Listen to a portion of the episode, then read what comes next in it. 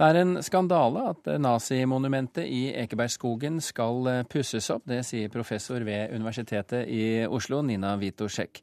I dagens utgave av Vårt Land kunne vi lese at 22 professorer har sendt brev til bl.a. Jens Stoltenberg med innvendinger til Ringnes sitt forslag om å restaurere et nazimonument i Ekebergskogen. Historieprofessor Øystein Sørensen er en av dem som skrev under på brevet, og som syns restaureringen er problematisk.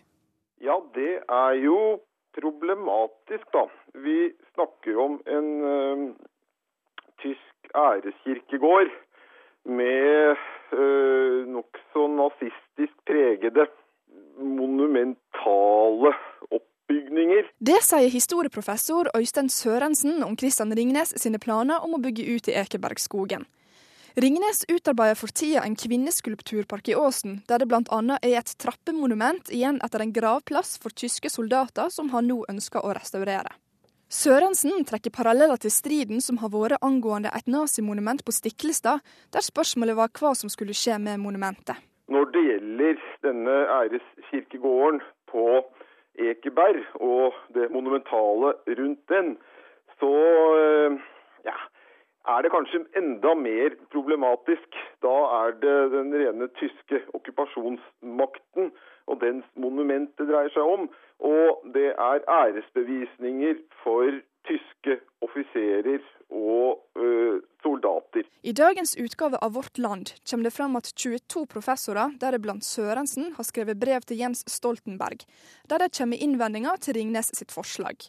Sørensen mener at dersom en slik restaurering skal ha noe føre seg, så bør en være oppmerksom på hva en gjør. Vi bør i hvert fall være veldig oppmerksom på hva vi gjør hvis uh, man skal gjøre noe annet enn bare la det ligge ødelagt. Og skal man bygge opp igjen noe som er ødelagt, så bør man i hvert fall være ekstra oppmerksom på hva man gjør sa historieprofessor Øystein Sørensen til reporter Camilla Yndestad. Forskningsleder ved Senter for miljø og utvikling ved Universitetet i Oslo, Nina Witoszek, en av de 22 professorene som skrev brevet. Hva er det dere reagerer på? Eh, vi reagerer på det at uh, dette er et seremonielt nazisted som nazi skapte for å feire sin egen storhet. Og vi mener sterkt at det er usmakelig og ideologisk suspekt å bruke penger og energi til å gjenreise dette nazimonumentet til sin tidligere storhet og glans.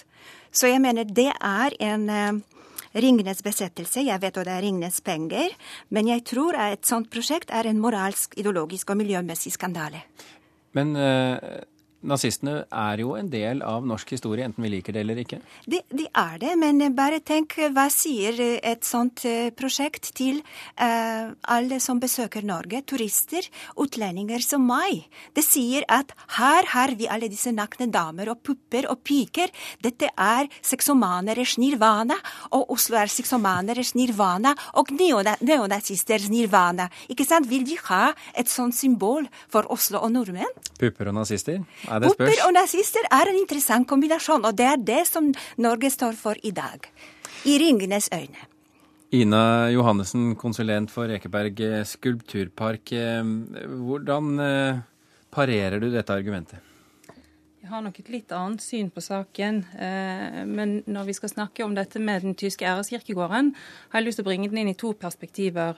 Det ene er at Ekebergparken, som er et eh, etableringsprosjekt som gjennomføres av C. Luden Ringnes stiftelse, etter avtale med Oslo kommune, og også regulert av reguleringsplanen for området. Det er det ene. Vi har et, uh, påtatt oss noen plikter som vi skal gjøre i skogen der oppe. Og vi har et formidlingsansvar. Vi skal formidle Ekebergs historie i et stort og bredt perspektiv. Vi skal tilbake 10 000 år i, i tid, til de første bosetningene i Oslo-området. Og vi skal formidle frem til i dag. Både historie, kulturminner og natur. Tyskernes tid, de fire årene på Ekeberg, er en del av dette.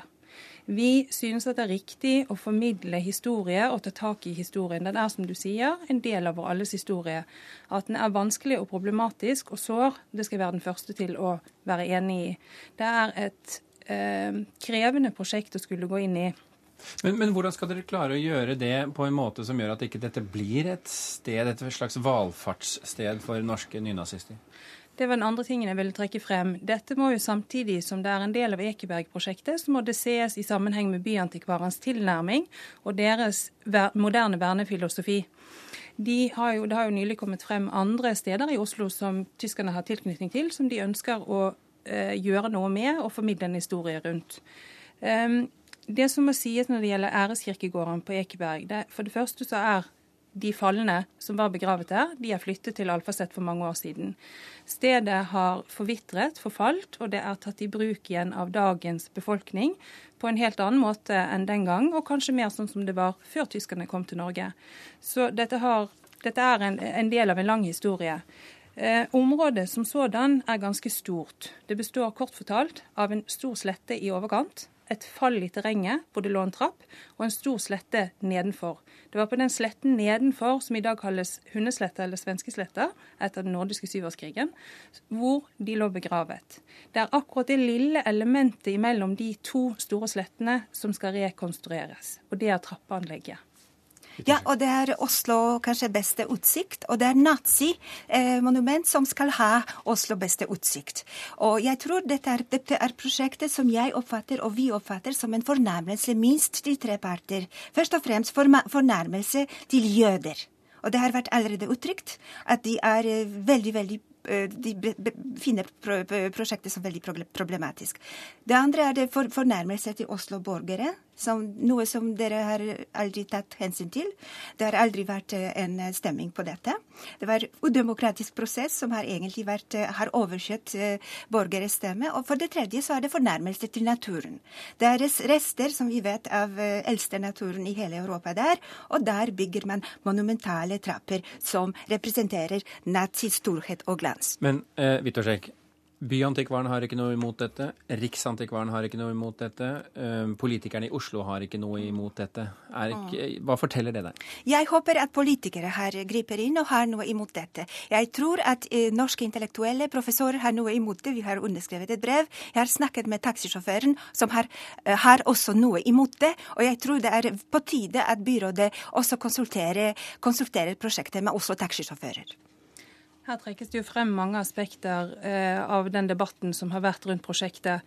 Um, og jeg vil bare ta tak i en av dem, og det er dette med det jødiske samfunn. Før jeg var her, så var jeg i Radio Norge, hvor leder for Den mosaiske trossamfunnet var på tråden.